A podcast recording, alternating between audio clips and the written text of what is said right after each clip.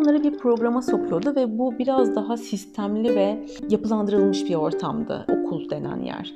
O yüzden ev o kadar yapılandırılmış bir ortam olmadığı için ve kuralların daha yıkılabileceği bir yer olduğu için başta çocuklar zaten bu yüzden adapte olamayacaklar. Yani olmakta zorlanmasının sebepleri de aslında en büyük sebeplerinden biri de bu. Haber podcastle buluştu. Kısa Dalga yayında. Bizi Kısa Dalga Net ve podcast platformlarından dinleyebilirsiniz.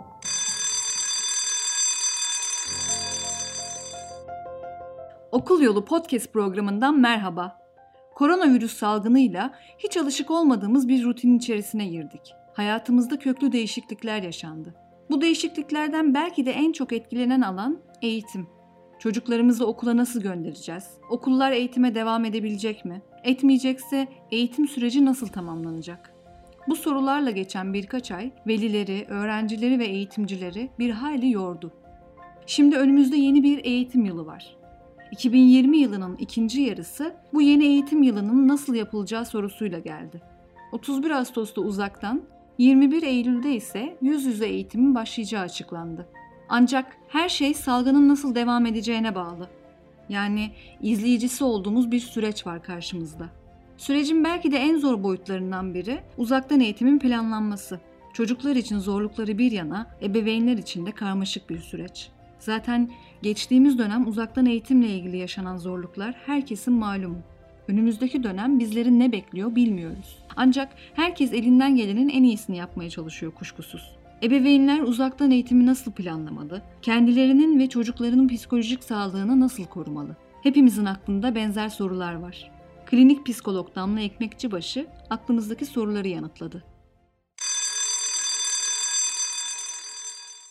Uzaktan eğitim için uygun ortamı hazırlamak adına ebeveynler neler yapabilir? Ne önerebiliriz? Şimdi uzaktan eğitim çok yeni karşılaştığımız bir şey. Aslında e, birçok çocuk geçen dönemin sonlarında Mart ayından itibaren küçük küçük bunu deneyimlemeye başladı. E, evet. Bununla ilgili böyle e, hap bilgi ya da reçeteler vermek değil de e, nasıl ilerlersek daha uygun olabilir yönünden ben biraz daha yaklaşarak anlatmaya çalışacağım. E, şuradan bakarsak aslında işte şimdi çocuklar bir yandan e, yeni bir sürece başladılar her yeni süreç, her değişiklik hayatımızda aslında bir takım kaygılarla beraber e, geliyor. Yani bir stres faktörü, bu iyi bir şey olsa da kötü bir şey olsa da e, bizim için stres yaratan bir e, süreç oluyor. Ve bu stres yaratan süreç içerisinde de e, bir şekilde davranışlarımızda ve duygularımızda bir takım değişimler oluyor. O yüzden hani bunları da göz önüne alarak ailelerin bunları da e, düşünerek biraz yaklaşması e, oldukça önemli. Şimdi burada ilk önemli olan şey aslında ailenin e, çocuğu yönlendirirken bir şekilde onların da ne yaşayabildiğini ya da nasıl duygular içerisinde olduğunu e, düşünmesi ve biraz e, çocukların da kendi içlerindeki duygusal süreçleri takip edebilmesi. Yani orada e, çocuk evet belki m, fiziksel ortamda bakıldığında bir bilgisayarın başına oturuyor. İşte karşıdan öğretmeni dinliyor ve oradan eğitim bir şekilde almaya çalışıyor. Fakat bunun biraz altına baktığımızda çocuğun eve kapanması, e, aileyle olan iletişimin daha fazla yani aile içerisinde daha fazla var olması, sosyal ortamından uzak olması gibi böyle bir takım e, alt süreçleri de var. E, o yüzden e, sadece hani nasıl öğrenir, nasıl e, uzaktan bir eğitim görür demek yerine e, nasıl bu süreci bütünüyle yönetebiliriz demek daha doğru olur. Evet. Ebeveynler ilk önce e, çocuklarından önce kendileri bu konuda ne hissediyorlar, e, ne düşünüyorlar? Yani bu pandemiyle ilgili, salgınla ilgili endişeleri ya da eğitimi nasıl alacakları ile ilgili endişeleri büyük mü? Kendi duygu durumlarını düzenlemeleri çok önemli ve değerli. Çünkü biliyorsunuz çocuklar model alarak öğreniyorlar ve anne babalarını gözlemleyerek bir takım endişe ve kaygılar yaratabiliyorlar. Daha doğrusu yaratılıyor. O yüzden ilk başta yapılması gereken şey biraz annenin orada kendi kaygısını yönetebilmesi, kendi duygu durumunu yönetebilmesi ve oradaki sakinliğini bir şeyleri yoluna koyabilme, baş edebilme becerisini yükseltmesi ilk maddelerden biri diye düşünüyorum ben. E, tabii bunu yapmak çok kolay değil. E, o yüzden ailenin de kendi kaynaklarını kullanması. Yani e, bir takım endişeleri varsa bunu gidermek için belki e, okulla konuşmak, kurumlarla görüşmek, e, nasıl olacağı ile ilgili e, belki etrafındaki insanlarla bunları paylaşmak ve doğru bilgiyi aldığı, doğru bilgiyi alacakları yerden almaları e, çok önemli. E, ikinci olarak da e, çocuk yani aile biraz bu kaygılarını hafiflettikten sonra ya da en azından başa çıkmaya başladıktan sonra e, çocuğa nasıl destek vereceğini e, bu anlamda biraz öğrenmeli. Yani çok yeni bir şey. Biz de çok iyi bilmiyoruz. E, aslında yaşayarak evet. da öğreneceğiz. Ama belki mesela bundan önceki süreçte işte geçmiş dönemdeki böyle iki aylık yaşadığı süreçte ne bu uzaktan eğitim sürecinde ne yolunda gitti, ne yolunda gitmedi, hangi yaptığı şeyler, hangi anne babanın hangi yaklaşımı ya da ona söylediği hangi cümleler çocukta tepki yarattı ya da e, işe yaradı. Biraz bunlara bakmak ve e, işe yarayanları hayatında devam ettirmek, yaramayanları da çıkarmak gibi e, bir yardım alabilirler geçmiş deneyimlerinden. Peki ebeveynler bunu nereden öğrenebilirler? Ebeveynler bunu nereden öğrenebilirler? Şöyle aslında e, bir takım böyle şeyler, e, bilgiler yayınlanıyor ama ilk başta yani her zaman aslında bu sadece pandemiyle ilgili ya da bu süreçte uzaktan eğitimle ilgili bir şey değil. Hayatta normalde de problemlerle ya da böyle sıkıntılı zamanlarla başa çıkmak için ebeveynler çocuklarını çok iyi gözlemlemeliler. Aslında böyle bilgileri almaktan çok çocuğun kendi yapısı, mizacı, e, iletişim becerisi, işte böyle mesela yeni şeylerle karşılaştığında verdiği tepkiler bunları çok çok iyi gözlemlemeliler. E, bir takım e, kitaplardan edinilen bilgiler de olabilir ya da işte şimdi bir Tabii ki bunlarla ilgili çok çok fazla işte araştırmalar vesaire yapılacak ve zamanla öğrenecekler ama biraz şimdilik daha sezgisel ve e, çocuklarını gözlemleyerek ilerlemelerini ben öneriyorum. Tabii ki şunlardan faydalanabilirler. Her zaman normalde yeni bir döneme geçildiğinde ve bizim evden bir şekilde bir şeyleri yönetmemiz gerektiğinde mesela normalde de rutinler her zaman çocukları rahatlatan ve bir şekilde e, böyle belirsiz dönemlerde e, bilmediğimiz, alışık olmadığımız süreçlerde uyum sağlamamızı çok fayda sağlayan e, şeylerdir rutinler. Mesela uyku, beslenme, ekran kullanımının kısıtlanması ya da sınırlanması, gün içerisinde ne zaman bunların yapılacağı ile ilgili bir program oluşturmak e, çocuğu biraz daha güvende hissettirebilir ve e, belki oradaki çatışmaları da e, bir şekilde dengeleme imkanı sunar. E, belki çocuklarla beraber e, önceden yani bu sistem daha başlamadan önce ya da başladıktan sonra da olabilir. Beraber oturup nasıl bir program yapacaklarını konuşmak, neyin iyi gelip neyin onu sıkacağını, e, hangi noktada e, işte öğrencinin işte yani daha çocuklarının e, sıkılıp işte biraz kalkıp hareket ihtiyacı duyacağını bunları hem gözlemleyip hem de çocuğuyla bunları oturup konuşup e, beraber bir e, sistem uygulamak ve hazırlamak faydalı olabilir.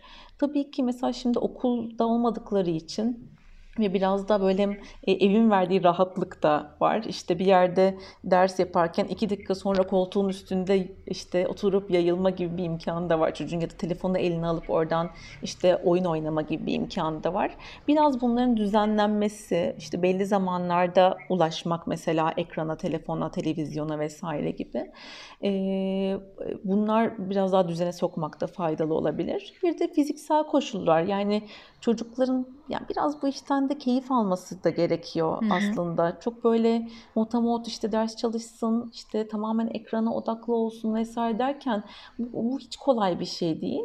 O yüzden hani araları nasıl değerlendirelim, sonrasında neler yapalım kısmı biraz motive edici bir şeyler e, bulmak, e, çocukların sevdiği, hoşlandığı şeylerle ilgili biraz daha e, buna vakit harcamaya çalışmak faydalı olabilir. E, bu aslında evden çalışan aileler için de e, önemli bir ihtiyaç değil mi? Kesinlikle. Hı hı. E, kimse aslında böyle uzun vadeli bir evden çalışma gibi bir şeyi planlamıyordu.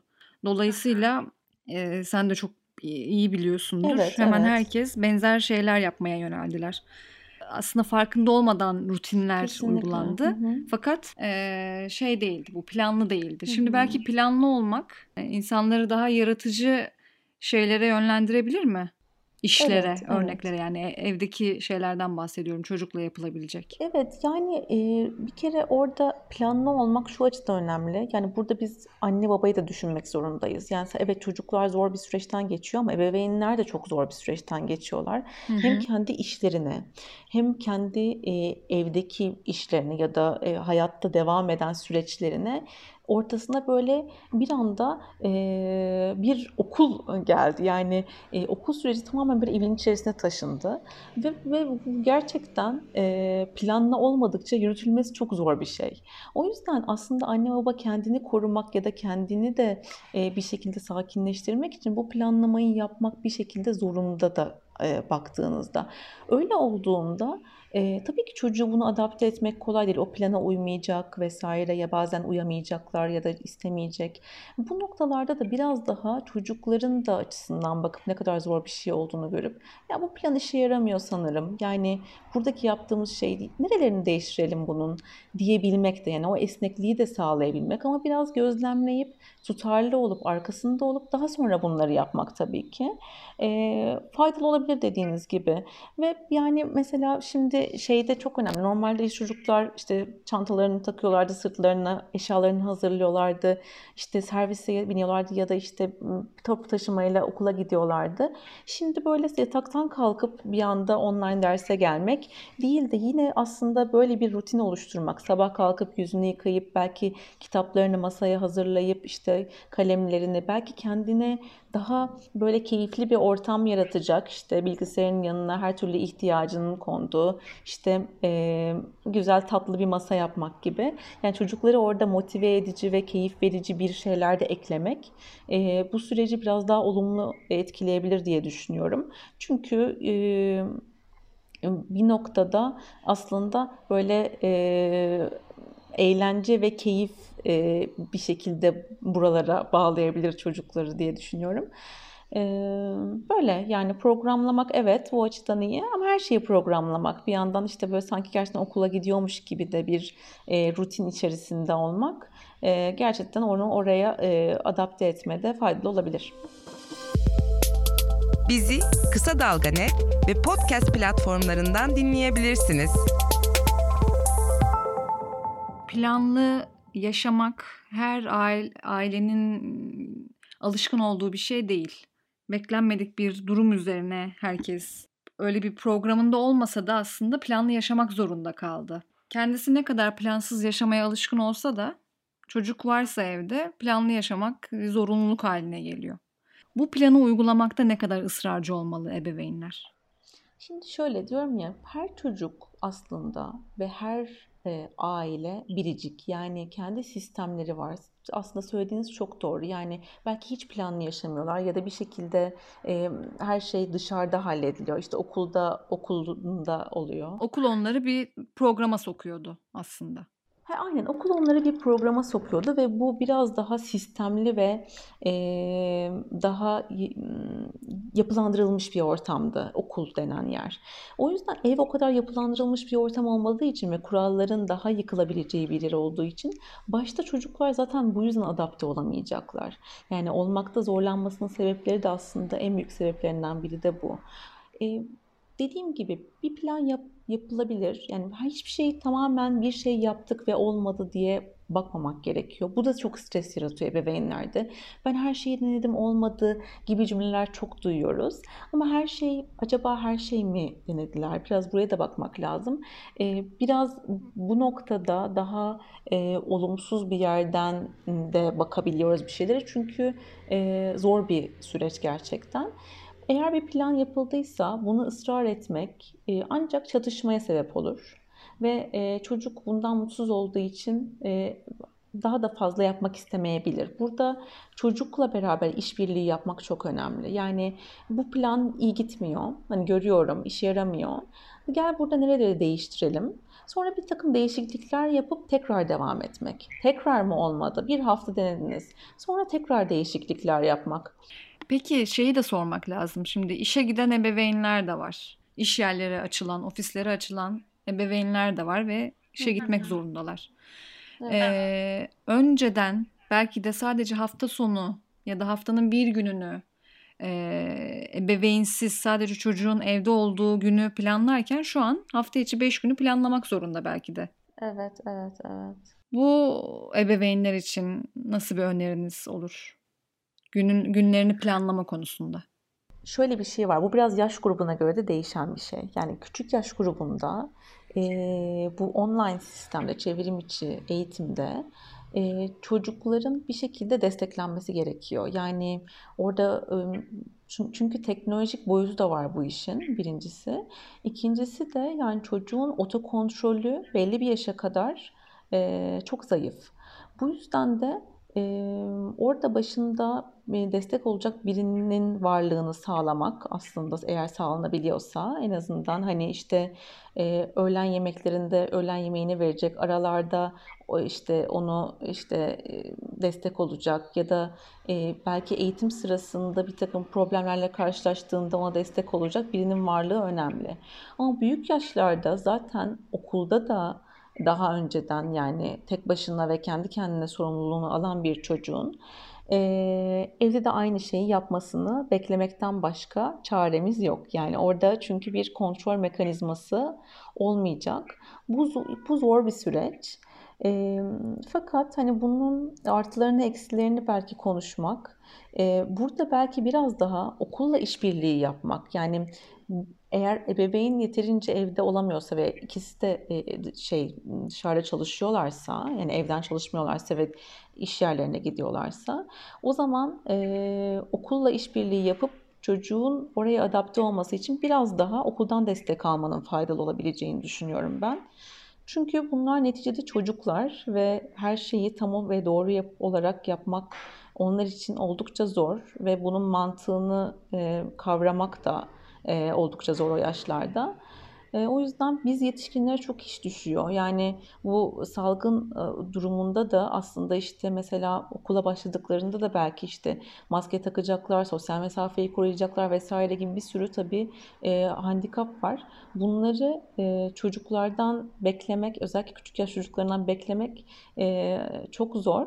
Çünkü onlar oyuna daldıklarında zaten hayat duruyor onlar için. Burada yetişkinin küçük tatlı hatırlatmalar yapması önemli. O yüzden yani e, bir yerde bu e, kurumla, öğretmenle, e, okulla kurulan işbirliği e, değerli olacak gibi gözüküyor. Evet. Peki psikolojik olarak nasıl daha az etkileniriz? Şimdi e, bu süreçte psikolojik olarak e, bir şekilde bu süreçten etkileniyoruz. Hani bunu kabul etmek çok önemli. Ee, bir takım kaygılarımız olabilir, bir takım işte e, belki tahammül sınırlarımız da ebeveyn olarak e, azalabilir. E, çünkü çok fazla birçok şeyle uğraşma noktasına geliyoruz ve herkesin de e, bir şeyi var, belli bir sınırı var. E, belki biraz bunları kabul etmek ve e, özellikle e, psikolojik olarak anne babanın nasıl daha az etkilenmesiyle ilgili ben birkaç madde ve çocuğun nasıl az etkilenmesiyle ilgili birkaç madde söylemek isterim. Aile hiçbir şekilde kendi öz bakımından vazgeçmemeli. Yani bir şekilde kendini iyi hissedecek ya da bu süreç içerisinde bu belki kaos gibi yaşadığı kaos da olabilir onun için bu süreç ya da daha e, normal normalleşmiş bir süreç olabilir ama herkesinki farklı e, işliyor. E, eğer ki zorlanıyorsa e, bir şekilde sadece onları yapmaya çalıştığında o süreç içerisinde biraz daha kayboluyor kişi ve e, baş etmekte çok zorlanıyor bu kaosun içerisinde. Çıkıp bir kendine bakıp bir arkadaşıyla telefonda konuşup e, belki biraz dertlerinden bahsedip ya da e, belli küçük programlamalar yapıp daha bu belirsiz süreci nasıl belirgin hale getirebilir? Bunu düşünmek e, ve bir takım kendine başa çıkma mekanizmaları yaratmak aslında anne baba için bu süreçten psikolojik olarak biraz daha az etkilenerek çıkmasına sebep olabilir. Özellikle dışarıdan gelen olumsuz yorum ve e, bir takım cümlelere kendini kapatmak da bunlardan biri. Çünkü insanlar birbirlerinden çok etkileniyorlar e, ve biz de iletişim ve bağ içerisinde kalmak zorundayız. O yüzden hani böyle daha kendini iyi hissedeceği kişilerle o bağı devam ettirmek ama kötü geleninde biraz böyle kulak kapatmak e, çok daha faydalı olur diye düşünüyorum. Çocuklar için de bu süreçte aslında e, nasıl daha az etkilenirler? E, bu da biraz aileye bağlı. E, samimi olacak olursam. E, çünkü e, ailenin e, bu süreçte ilgili düşünceleri, tutumları ve kaygıları direkt olarak e, çocuğa geçiyor. Biliyorsunuz rol model oluyoruz. Ve e, bu yüzden de e, olabildiğince e, onlara güven vermek, e, bir şekilde e, dikkat ettikleri sürece, e, kendilerini korudukları sürece e, başlarına bir şey gelmeyeceğinin güvenini vermek, onların yanındayken güvende olduğunu, herhangi bir duygusunda, herhangi bir zorlantısında, çocuğun kaygılandığında, üzüldüğünde ya da paylaşmak istediği bir şey olduğunda e, her şeyi paylaşabileceği ile ilgili, duygularını paylaşması ile ilgili büyük bir alan açmak aslında en büyük yapılabilecek şeylerden biri. Ee, ve çocuğa bu alanı açtığınızda ve o güveni verdiğinizde çocuklar zaten e, biraz daha kendilerini e, bu anlamda konforlu ve rahat hissediyorlar. E, bunu nasıl yapabiliriz? Küçük çocuklarda özellikle e, bu alanlarla ilgili, özellikle bu salgınla ilgili, pandemi süreciyle ilgili çok güzel hikayeler e, ve e, bir takım böyle m, egzersizler, e, şarkılar, bir sürü aslında materyal var e, uzmanların da e, şey yaptığı, destek verdiği ve ürettiği. E, Global Child EMDR Alliance TR e, diye bir Instagram e, hesabı var. Biraz böyle uzun bir ismi var. Fakat çok değerli uzmanların paylaştığı güzel hani e, bu, bu durumla baş etmek için neler yapılabilir e, gibi kaynaklar var. Büyük çocuklar için. Tam bu sürece uygun hikayeler aslında. Aynen öyle. E, bu sürece uygun hikayeler ve bazen de çünkü yetemediğimiz zamanlarda çok hissediyoruz. Biraz özellikle küçük yaş çocuklarında somut şeyler üzerinden gitmek e, çok daha faydalı oluyor. Yani böyle sözel ifadeler, bir takım işte tavsiyeler ya da bir takım böyle e, sözel yönergeler çok anlam ifade etmiyor ama hikayeler, şarkılar ve bir takım oyunlar tabii ki en önemlisi. Onlar e, çok daha duygunun dışa vurulmasını sağlıyorlar. O yüzden bu çok çok kıymetli ve en belki en önemli şeylerden biri. Ve ikincisi temas etmek, sarılmak, e, küçük çocukların özellikle ağlamasına izin vermek bu süreçte çok çok değerli ve önemli. E, büyük çocuklarda da e, yani yine iletişimi e, aslında iletişime yatırım yapmak gerekiyor. Yani sırf bu süreç için değil her zaman için eğer ki e, duygularını açabilecek söyleyebilecek bir alan görebilirlerse o zaman zaten e, bu süreçte de paylaşırlar. Paylaşırlarsa da bu kaygı giderek artmaz ve bir şekilde o dışa vurumu sağlarlar. Bunun için neler yapabileceklerini biraz çocuklarını tanıyarak ve onları izleyerek e, anlayıp görebilecekler ebeveynler diye düşünüyorum. Evet. Her zaman ilişkide olmak ve teması bırakmamak kesinlikle en en önemli şeylerden biri. Bağda olmak, temasta olmak ve iletişimi e, olabildiğince sağlıklı bir şekilde ilerletmeye çalışmak. Damla Hanım çok teşekkür ediyoruz.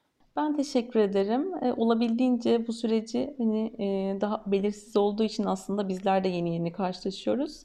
E, ve olabildiğince biraz yardımcı olmaya çalıştıysam eğer ne mutlu bana. Programımızın sonuna geldik. Tüm öğrencilerimize sağlıklı ve başarılı bir yıl diliyoruz. Hoşçakalın. Haber podcastle buluştu. Kısa Dalga yayında. Bizi Kısa Dalga Net ve podcast platformlarından dinleyebilirsiniz.